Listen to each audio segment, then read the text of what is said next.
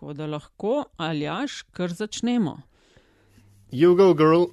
Med in čaj, nova epizoda, podcast o medijih, dobrih in slabih praksah, novih tehnologijah in trendih prihodnosti. Je to, gosti v medijih delajo, z njimi živijo in v njih razmišljajo, gostitelja pa sva Aljaš Pengov Bitenc, Radio Chaos in Nataša Briški Metina Lista. Aljaš živijo. Živijo. Um, je kakšen komentar prišel do tebe uh, v zvezi s prejšnjimi, prejšnjo epizodo? Si uh, ok? Ja, cel, cel kup, uh, ne vem, se mi zdi, da se bili predvsem pohvaljena. Ja, pred... Ampak uh, mal se mi zdi, da je mogoče pa kdo tudi fauš, pa bi kdo hotel biti še. Uh. Na metinem, metinem čaju. A, se to zgodilo? Aha, točno, vem, na kaj ciljaš. V vsakem primeru, no, uh, Predlogi, komentarji, vedno dobrodošli na infoafnametina.sim, na ključniku Metin Čaj, na Twitterju naj oba komod podsukate za rokav pod Afna Pengovski in Afna DC43. Uh, eh, ta epizoda tokrat, sveda sva res hvaležna za vašo družbo in vsem, ki. Uspete tudi finančno podpreti naše delovanje in a, različne podkaste, ki jih delamo, so pa v zadnjem času ali až razmere takšne, da je frekvenca kar intenzivna. Ja, Tale skoraj mal emergenten. Pri, pride tako, ne? Žal. Jana, za ti sem si uči emergentna skoraj. A si ujel? Sem. um, neč, gremo kar k stvari. Mm, že dalj časa sva imela v mislih tokratnega gosta, to je Janko Petrovec, dopisnik RTV iz eh, Rima, Italija. Janko, zdravo. Lep dober dan iz Rima. Je pa nekako tako naneslo, da je, je Italija država, ki jo pokrivaš in odkudar poročaš.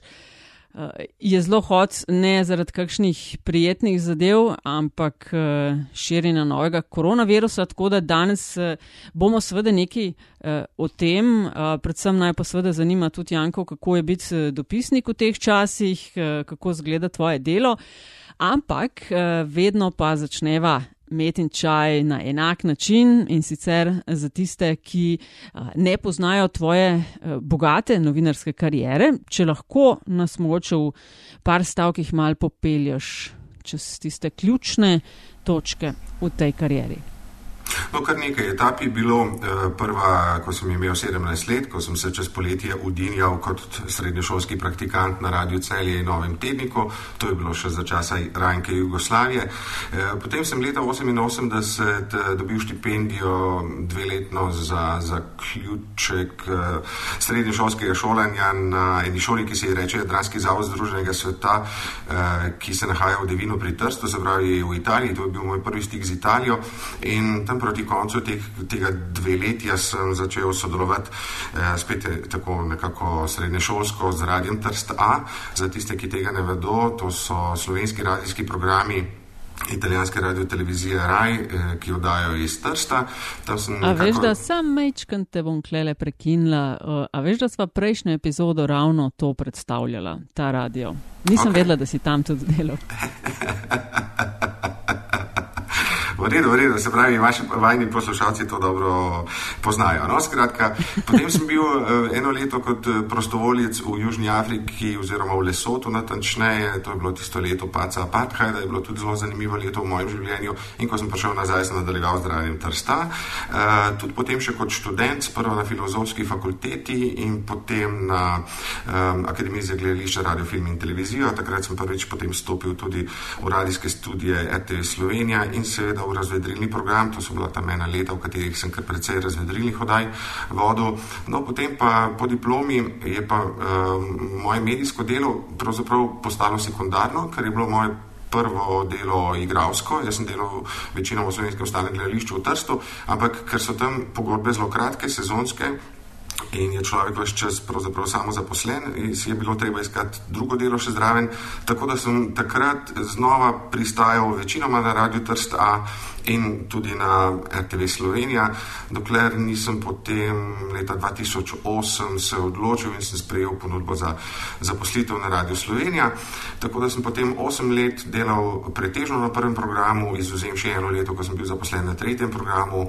V tistem obdobju sem se ukvarjal predvsem s kulturo, z manjšinami, eno leto sem bil vede uredništva za kulturo, nekaj let sem vodil razvedrilni program in potem sem leta 2015, konec leta, eh, čisto tako je bilo, kot zdaj pravim, na oglasni deski interni na RTV-u videl eh, razpis za Rim, za dopisniško mesto, prebral pogoje, ugotovil, da pogoje imam, sem se prijavil in potem so me izbrali. Evo, in od uh, konca junija leta 2016 sem v Rimu. A, uh, ko si omenjal te razvedrilne oddaje, ne vem, katerega leta je bilo, ampak eh, se mi zdi enkrat v 90-ih. Ena od teh oddaj je bila, če se ne motim, presudite. Ja, to je bila prva, to je bilo leta 95, ta ostaja nekaj v spominu ljudem. Ja. ja, ker sem bila med, med gledalci na enem od teh uh, oddaj takrat.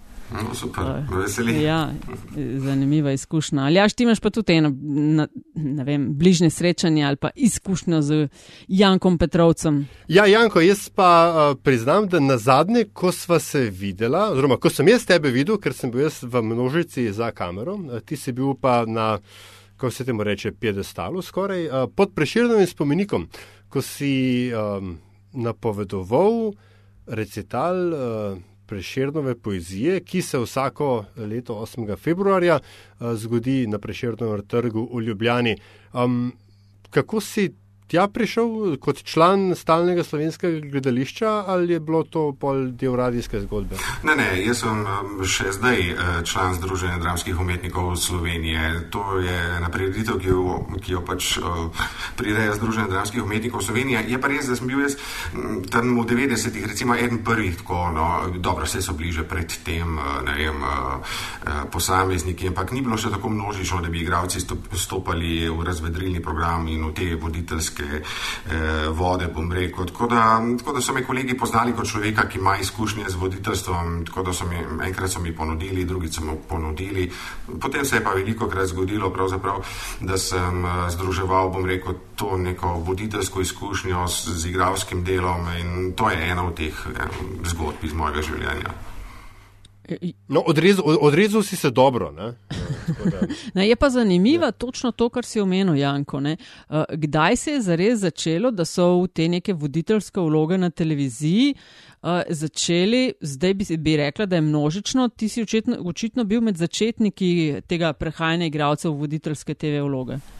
Ma, veš, kako je bilo? Eh, pri meni je pravzaprav stvar uh, ni bila vezana na noben trend. Ne? Enostavno tam je bilo nekak, nekako sredi, sredi študija na AGRFT, sem imel eno stisko sam pri sebi in nekako se nisem našel, potem sem se znova našel, ampak vmes, medtem ko sem se iskal, uh, sem se pa skušal preizkusiti v teh televizijskih vodah, pa je potem kar šlo. Uh, jaz seveda nisem eden od prvih, ki je to naredil. Uh, spomni se Mita Trefalta, recimo. Ne? Mito Trefalt je legenda, mm -hmm. je mhm. igralec po poklicu, ne, ampak je praktično velik del svoje eh, karijere preživel kot televizijec. Pa še bi lahko našteval vse. Uh, ampak je pa res, da se je pa potem, bom rekel, z nekoliko mlajšimi od, od mene, pa ta trend pravzaprav zelo ojačal. In uh, veš, ko sem jaz stopil tja, je bila še v igralskih vrstah je vladal en tak aristokratski pogled na televizijo, čež da je to nekaj manj vrednega, ker to ni uh, prava umetnost Aha. in tako naprej. Ne? Mislim, da je to zdaj uh, že v veliki meri preseženo. Ja, ker je res veliko uh, igralcev. No, Kjerkoli kviz odprem, se mi zdi, da ga sam še igralci vodijo. Ampak čakaj, jaz se spomnim zdaj, ko ste se začeli to pogovarjati. Ja, jaz sem tebe tudi v. Kaj, kaj si vodil na televiziji? Ma, vodil sem veliko oddaje. Presodite je gotovo tista, ki je ostala ljudem najbolj v spominu. Potem sem ne pol leta vodil celo kolo sreče, ampak uh, sem potem nekako, ne vem, začel sem malo zgubljati živce ob tej oddaji, ker pa res ni, ni dala prav veliko priložnosti ali pa možnosti možnosti, da bi se človek lahko izrazil. Potem je bilo še eno, ena vrsta ne vem, nekih drugih oddaj, tudi neke poletne oddaje. Zdaj se že sam ne spomnim več. Enkrat z, eh, z Miro Berginčevo recimo so enkrat zasnovala en, en niz poletnih oddaj z naslovom uh, Kamra, um, ki ni bila ne vem kako dobra, ampak mi dva smo bila takrat zelo ponosna na njo. No. Uh, tako da, ker to so tam v 90-ih, no. potem, potem, potem, potem mi pa to nekako ni bilo več, no, kako ne rečem. Ni me več vleklo pred ekran, verjetno sem moral nekaj, kakšno stvar v svoji intimi rešiti. Uh, Meni ta pozornost, uh, ki ti jo gledalci namenjajo, zaradi vloge v razvedrilnem programu, povdarjam, eh, mi je hitro začela iti nekako na živce, motiti. Jaz, jaz ne uživam v javni pozornosti. No. Uh, jaz rad delam televizijo, izjemno rad delam radio ampak ne maram pa teh posledic. Ne. Tud, ne vem, nisem človek uh, prireditev, pa uh, nekih gala prireditev, pa sprejemal in tako naprej. In če se le da, se temu izognem. Pravzaprav tudi intervjujev ne maram kaj preveč. Imam rajši, če sem na drugi strani. No, mi dva bomo poskusili, da to le uh, naredi, da ne da bo ne preveč bolelo. Ampak sem ravno ugotovil, Nataša, ne, mi dva se z Martino Repinci iz Radia Trsta seveda pogovarjala, kaj dva tedna ja. nazaj, tri, ne, ampak Janko Petrovec je naredil en hiter skok v Metinčaj tudi v prejšnji epizodi, uh, kjer si bil uh, omenjen kot. Uh, žrtev razvoja političnih dogodkov pri nas, konkretno je tvoj prispevek o vatikanskih arhivih za Radio Slovenija, je pač mene bil žrtev in bil izrezan iz eh, druge jutranje kronike v danes ob 13. z Gregorjem Budalom in Urško Sobočan Ivanovič, sva se pogovarjala. Um, no in zdaj mene v bistvu napeljujem ne, na to, ko si rekel, da izjemno rad delaš radio in tako dalje. A kakšna je razlika za dopisnika delati radio, radijski in delati TV prispevek in kaj od tega moraš delati več in kaj delaš raje? Um, v tem primeru, ki si ga navedel, ne vem, če je šlo točno tako. Namreč pri nas pač velja uh, pravilo, ne? se pravi, če je nek breaking news, potem imaš absolutno prednost. Če delaš neko stvar, ki je aktualna do, določeni dan, pa če je ena oddaja prenapolnjena, potem lahko gre prispevek tudi v kakšno drugo oddajo. Ta prispevek je bil objavljen, samo mogoče ni bil objavljen ob sedmi zjutraj. Um, ja, se pravi, no, ja, da je bil no, potem v danes do 13. No, ampak tukaj, tako, ne, ja, tukaj ja. ne gre za nobeno cenzuro ali kaj podobnega, enostavno gre. Ne, ne, ne pač audio, video eh, mediji smo, uh, imamo končno število minut, ne, ki jih lahko objavimo, to ni tako kot na spletu. Ne. Mi enostavno imamo tistih 20 minut, 25 minut informativne oddaje in če se zgodi uh, vem, pet velikih stvari, potem šesta in za šesto enostavno ni več prostora. Um, veš kako, jaz imam radio izjemno rad. Eh, zelo rad se poigravam z zvoki. Moram reči, da na dopisniškem delovnem mestu je manj uh, prostora za to, da bi delal in poglobljene intervjuje in reportažne radijske oddaje. Je veliko več tega newsa, se pravi tega hipnega, kratke forme ali pa analiz poglobljenih oddaj, ki trajajo 15-20 minut. Ampak Ni pa, ni pa uh, veliko prostora za igranje, bom rekel, z zvoki, z občutki, z razpoloženjem in tako naprej. Um, televizijo, pa moram reči, da sem pa informativno televizijo v bistvu eh, začel spoznavati šele tu, v, v, v, v Rimu. Eh, tukaj imam eno izjemno uh, lepo pomoč strani moje snemalke in montažerke. Iris Rupnik je slovenka, uh, ona živi v Italiji že 25 let, uh, je bila ena od pionirjev uh, programa Video Music, to je bila ena taka italijanska inačica MTV-a svoj čas, potem je delala zelo veliko informativno informativnem programu na zasebnih televizijah eh, in na koncu pač zaradi spleta okoliščin, osebnih in tako naprej je začela sodelovati z nami in Iris ravno zaradi tega, zaradi tega bom rekel, svoje uh, um, glasbeno-televizijske izkušnje ima eh, izjemno uh, hitro, živo, živahno montažo, uh, kar je meni zelo všeč. Uh, po drugi strani je pa umetnostna zgodovinarka, kar se pa tudi pozna, pač pri, um, zlasti pri kulturniških prispevkih, ki jih pa jaz tudi po svoji afiniteti, afiniteti delam. Uh, tako da moram reči, da smo tukaj kar uh, v lepi simbiozi simbiozi. Eh, načeloma je vsak mesec eh, po količini, če me sprašuješ, nekoliko več radijskih prispevkov in nekoliko manj televizijskih. pri čemer pri televizijskih prispevkih približno pri polovici tistih mojih prispevkov, ki jih objavim, je slika najna, pri drugi polovici pa RTV Slovenija je del mreže eh, Eurovizije, pa po drugi strani je tudi eh, stranka pri velikih svetovnih agencijah, eh, tako da po teh, po teh jaz lahko dobim kar precej posnetkov, ki jih lahko uporabim v svojih zgodbah, na katere potem skonstruiram svojo zgodbo. To pride v poštev zlasti takrat, kadar ne vem, gre za neko makropolitično zgodbo. Ena izjava se ti zgodi v Rimu, druga v Milanu, na terenu nekje sredi države se dogaja nekaj tretjega in ti moraš vse to skupaj potem združiti v prispevek, ki je dolg minuto 30, jasno, da ne moreš biti, če si sam na vseh teh koncih. Ne? Tako da si tukaj pomagamo še sliko drugih, ampak eh, poglej. Um, Mesec, v katerem nisem niti dan na dopustu, uh, pod 60 prispevkov uh, za oba medija skupaj, skoraj se ne zgodi. No. No, in to je nekaj, kar želiva tudi uh, o tem s tabo govoriti. Si v Italiji, ki je trenutno v samem uh, epicentru, bom rekla, na nek način svetovnega dogajanja. Uh, dej nama povej, kako te dni izgleda tvoj delovnik. Zdaj, omenil si, da pod 60 ne greš, predvidevam, da tudi zaradi uh, zadnjega dogajanja se spomnim, da sta nama, oziroma da nama je um, dopisnica iz Bruslja Mojca omenjala, govorila o 40, 50, pa že to je zvenelo zelo veliko. Ne? Ampak dej nama opiš, kako te dni uh, izgleda tvoj delovnik. Danes, ko to snemamo, je četrtek, 12. marec, uh, malo čez opoldne. Uh -huh.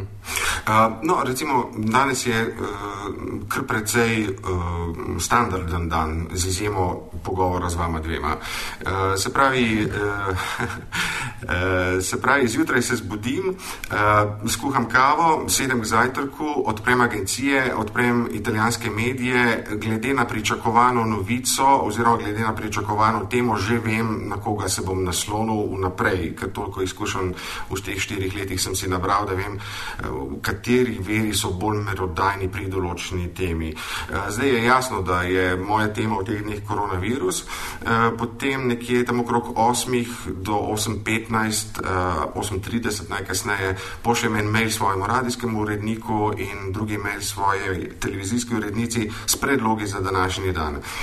Tako da danes se je potem in potem se slika izkristalizira.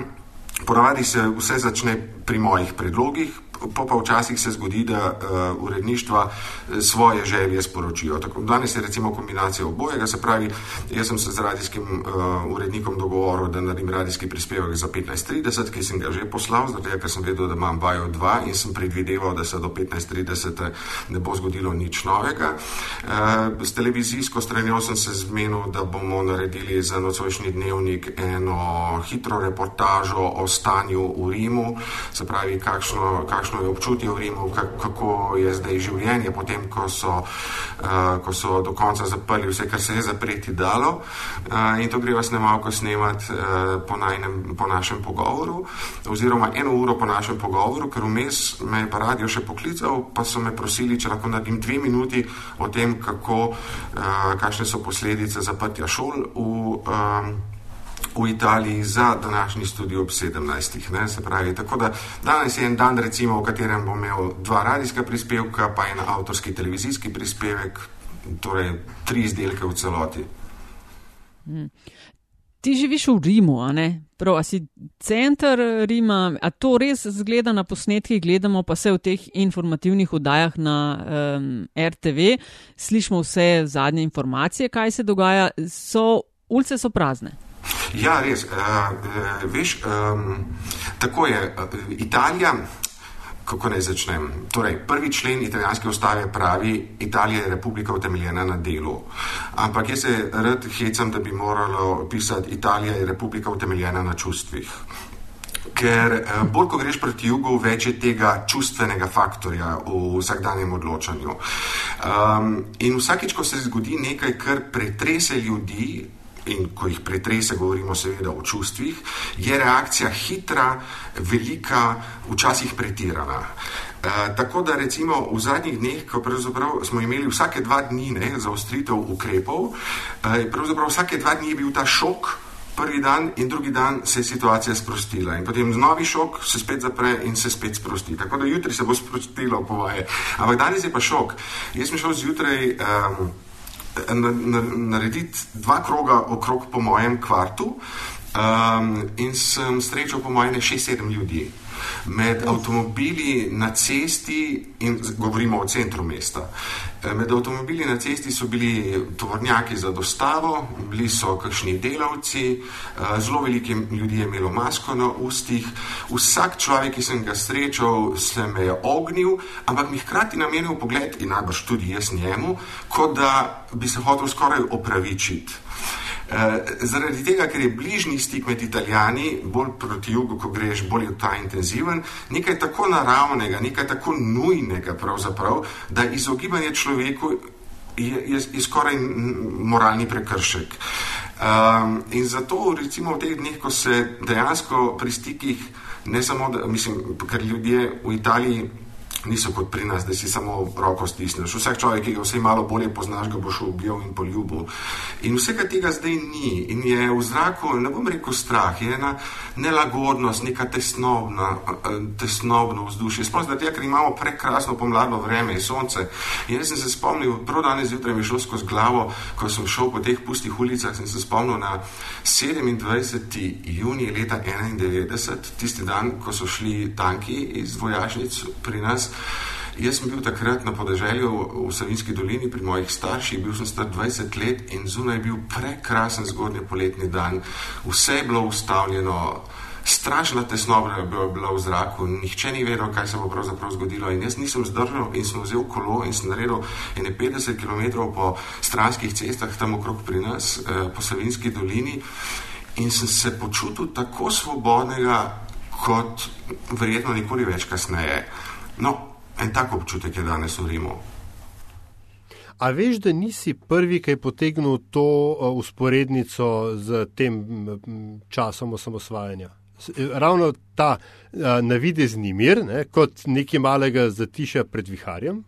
Uh, in, in ta občutek neke, neke svobode, in tako dalje. Tako da mi, mi je pač zanimivo, ne, da, da imamo, mislim, Veš kaj? Da vas ima veliko to, to usporednico. Ja, eh, težko bi človek govoril o strahu. Ne? Strah je, recimo, uh, Umberto Galimberti, uh, močen italijanski filozof, v zadnjih dneh se parkrat spet oglasil na družabnih omrežjih, jaz kar cenim njegovo mnenje. On je rekel, to ni strah. Ne? Strah je človeka takrat, kadar je soočen z nečim, kar je zelo konkretno.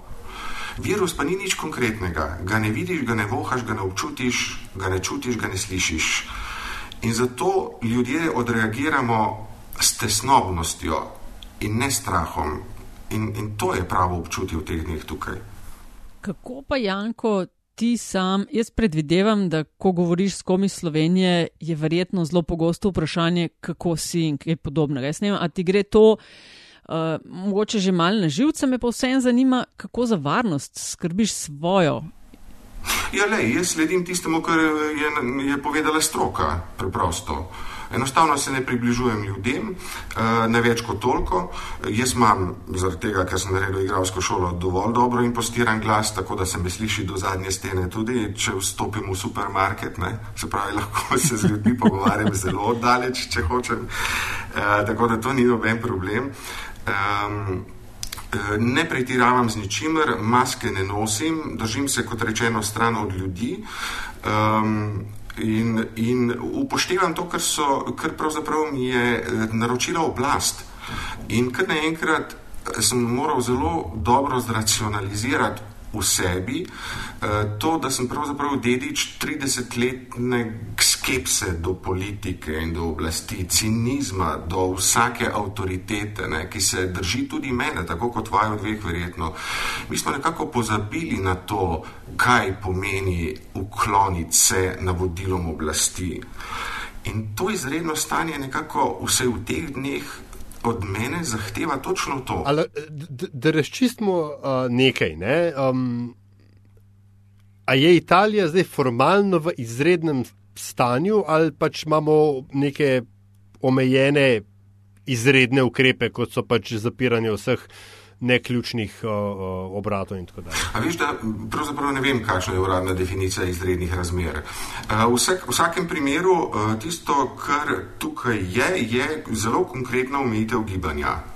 Tako da domnevam, da je to povezano z izrednimi razmerami. Ne?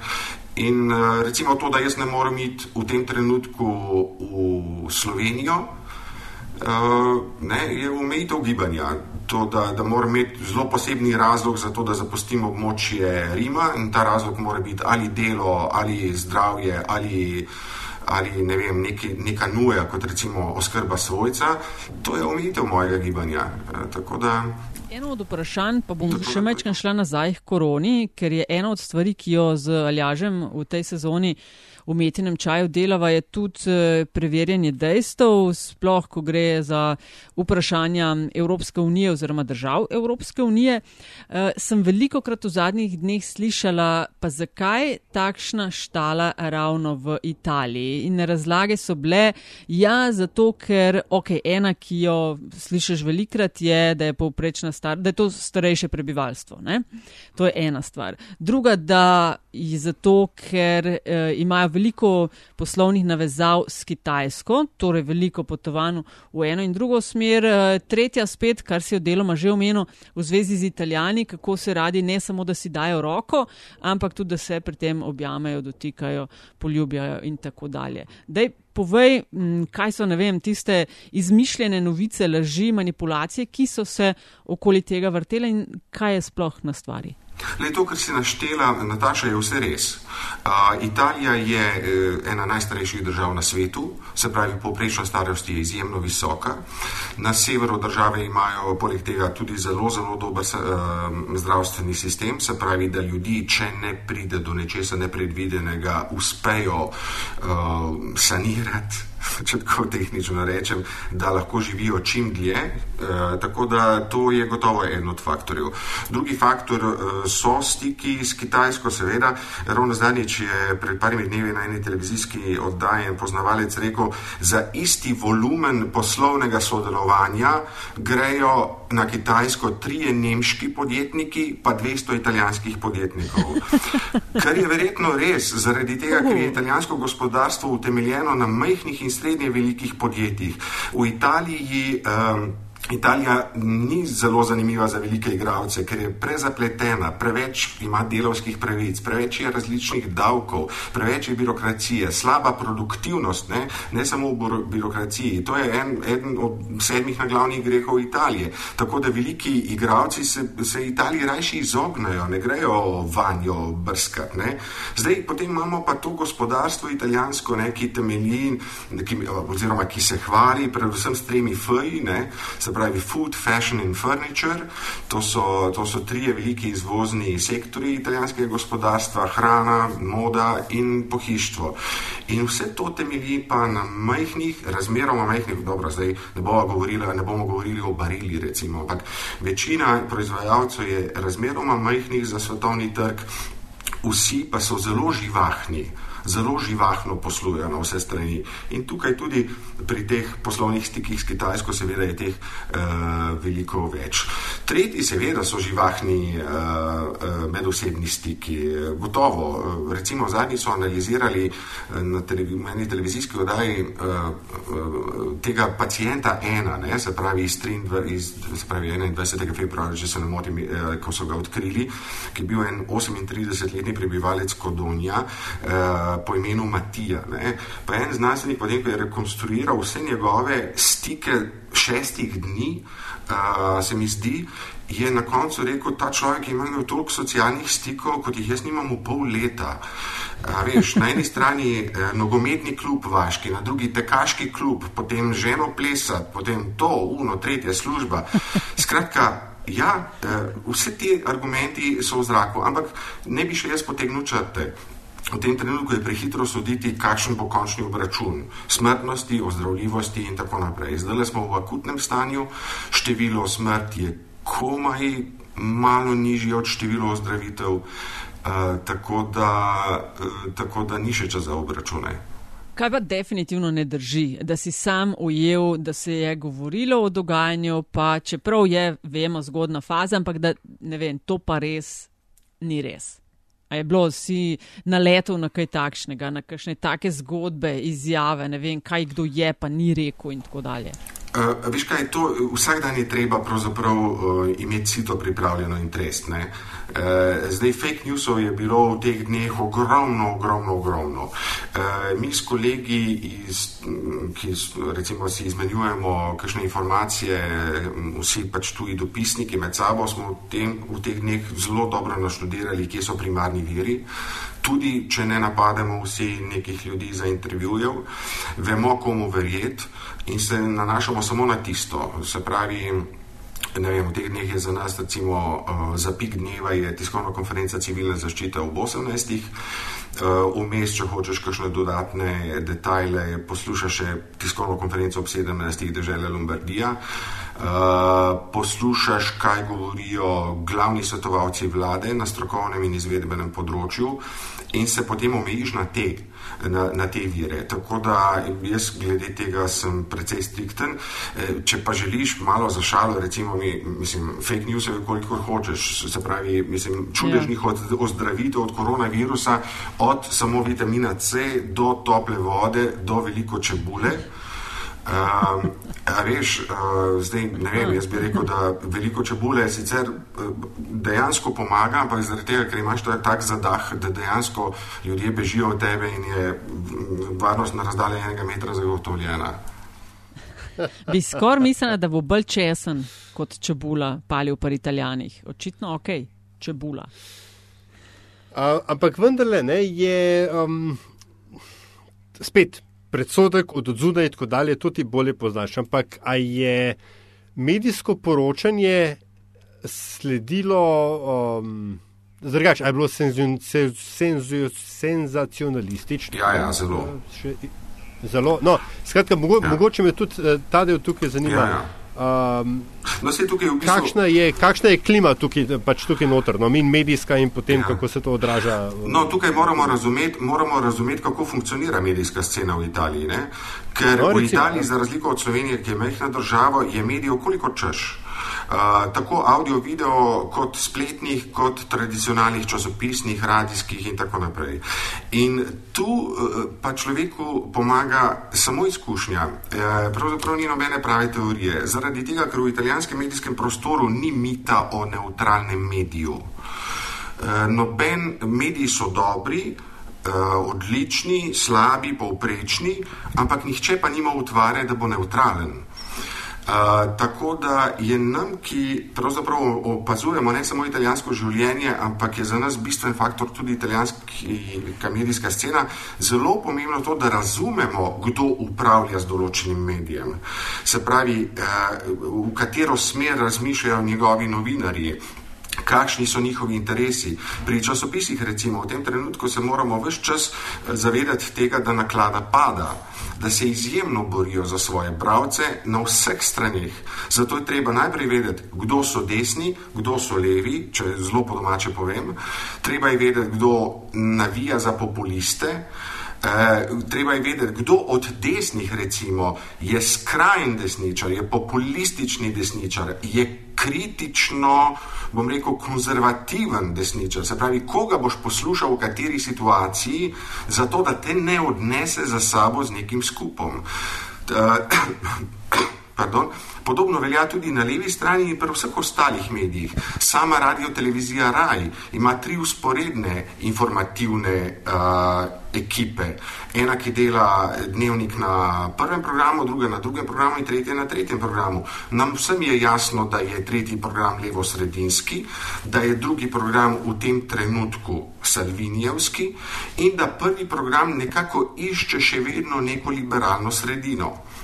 Poleg tega moramo vedeti, recimo pri določenih časopisih, za enimi časopisi, recimo, recimo Corriere della Sera, stoji stara milanska bur, bur, buržuazija, se pravi, to je str kapital, to je kapital, ki se zaveda pomembnosti medija, pomembnosti neke informacije. Hkrati pa bo seveda vse čas ščitil določeno razpored, družbeno razporeditev v Italiji. Ne bo po, postavljal pod vprašaj upravičenosti, ne vem, bogatenja, če hočete. Ne.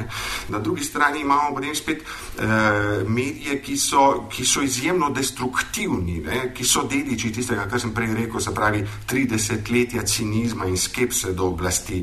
Recimo, eh, eden najbolj branih italijanskih časopisov, La Repubblica, drugi najbolj brani, tako za Corriere della Sera, ampak med časopisi ima pa um, Republika najbolj obiskan spletni portal.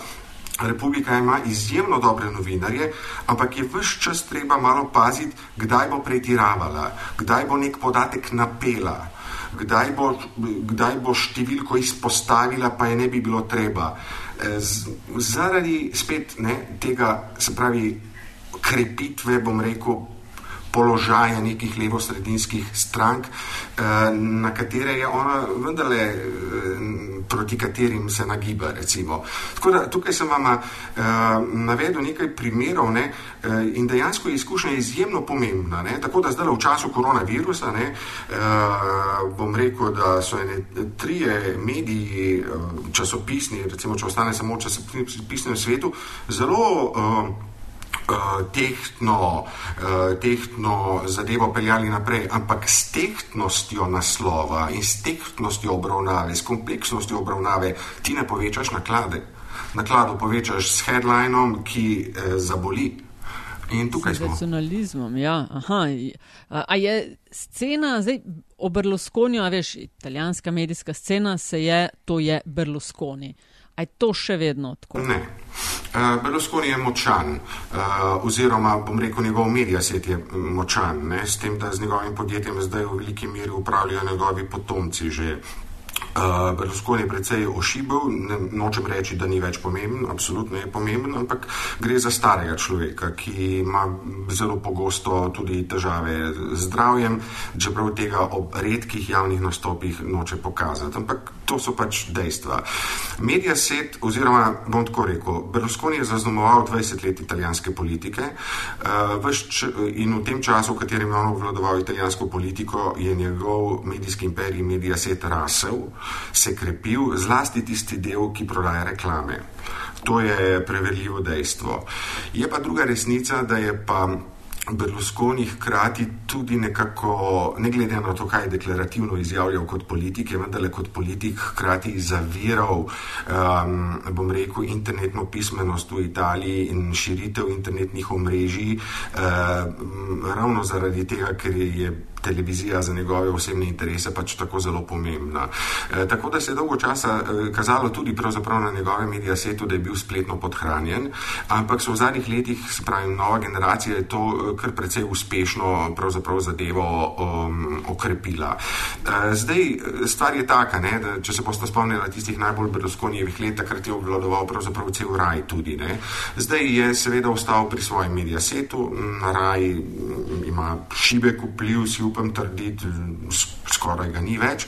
Je pa zraven na medijski sceni, recimo tej televizijski, v tradicionalnem pomenu besede, še en player uh, v zadnjih letih, ki je precej pomemben, to pa je nek podjetnik s prijemkom Kajro, ki upravlja z uh, televizijskim programom La Sette, se pravi sedmi program, da tako reče. Pravi, večina gospodinstv ima na prvih treh številkah na svojih daljincih raj, na drugih treh številkah ima medijaset in na sedmi številki ima potem uh, Lasette. Lasette je eh, pravzaprav pogruntala eno zelo mm, fino formulo komercialne televizije, ki ima iz, in, infotainment izjemno dobro razvit, pa hkrati eh, še vedno dovolj konservativno podobo ima ta njihov infotainment, da ostaje kredibilen tudi kritičnim ljudem, recimo kot sem vam, za kakršnega sem vam jaz. Um. Tako da je ta, ta player je recimo zelo zanimiv v tem trenutku na trgu. Se pravi, En kup enih časopisov, radijev in televizij, nikakršnega govora za res o tem, ne vem, neke vrste objektivnosti, da veš natančno, kdo v katero smer piha, ampak kaj pa ljudje gledajo? A je to tako, kot pri nas, ne vem, filmi, kvizi, resničnostni šovi? Ja. Kaj gledajo ljudje v Italiji? V Italiji je zelo popularno to, če mora pravi oni fiction. Fiction so ene take nekaj delne nadaljevanke, ki pravzaprav vsak del traja vse uro, pa pol, če ne dve uri, in potem jih to predstavijo kot nek velik, nekaj specialnega in dajo to v prime time in potem ljudje to gledajo nekaj zaporednih dni. Recimo fiction je zelo popularen žanr televizijski. Potem pa seveda, kot si sama omenila, ne neskončne reke talk-showov, ki se začnejo zgodaj zjutraj in se končajo pozno po noči, na različne teme. Uh, zdaj pri dnevni televiziji uh, je predvsem, je treba reči, no, da je ta dnevna televizija v veliki meri namenjena zelo neizobraženemu prebivalstvu. Uh, to pa je treba povedati, da je Italija svoj izobraževalni sistem za moje pojme zanemarila v zadnjih desetletjih. Italija ima je druga najslabša po številu, um, po številu uh, univerzitetno izobraženega kadra v Evropi. Slabše rezultate od Italije ima samo še Romunija in to se kaže, to se kaže pri funkcionalni pismenosti, pri televizijskih preferencah, pri, uh, pri bestsellerjih v knjigarnah, če hočeš, um, na vsakem koraku pravzaprav. Mislim, da je čas za, za zanimivost, ker se tudi tale podcast počasi izteka. Ja, Janko, res, fulti hvala za vse in sploh to, da si eh, v tej silni zasedenosti našel čas za metin čaj, kljub temu, da ne maraš intervjujev. Um, zadnje vprašanje je vedno v metinem čaju enako za vse goste in gostje in sicer, da z nami delijo eno zanimivost, kar je res lahko karkoli. Samo ceniš, kaj vtegne zanimati ljudi, to lahko ne vem, podatek, eh, pojasnitev kakšnega ozadja, knjiga, priporočilo, ne vem, recept, karkoli. Izvoli. Mah, mogoče bi kakšno zgodbo o teh dopisniških tukaj iz let, ki sem v Italiji delil z vama, ki se mi zdi dovolj zgovorna, pa hkrati še malo poetična. Um, konec avgusta leta 2016, ko sem prišel na potresno območje v Amatriče. Amatriče je eno gorsko mestece, izjemno lepo, na planoti na tisoč metrov, obdano z vršaci, ki grejo na 2000 metrov. Um, in se pravi, snemalce smo morali postiti avto v dolini, ker, bi, ker je bil most na pol porušen, skratka nismo mogli z avtom čez in potem smo 45 minut na, na ukreber hodila, dokler nismo prišla do tega mesta, ki je bilo popolnoma porušeno.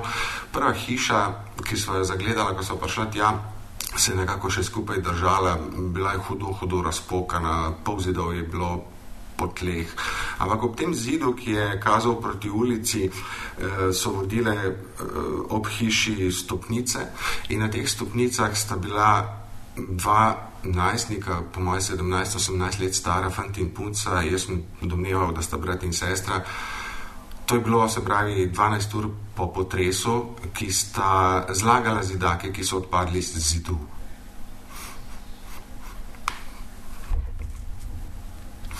In uh,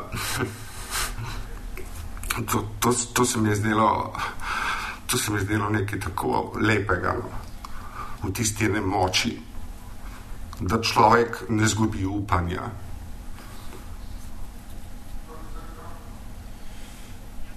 Nabito s čustvi tole, Janko. Mah, A, mora biti drugačno. Ja, hvala, hvala, da si delil to zgodbo z nama. Uh, hvala, da si bil naj gost, uh, spoštovani poslušalci in uh, poslušalke. Če se vam je zdela epizoda zanimiva in bi jo radi delili, bomo tega zelo veseli. Tudi, če nama prisodite kakšno oceno na spletu in sploh lepa hvala, Janko, da si bil naš gost in vam tudi, da ste bili z nami. Jo, hvala vama, srečno. Srečno. Okay. Lahko ustavimo snemanje.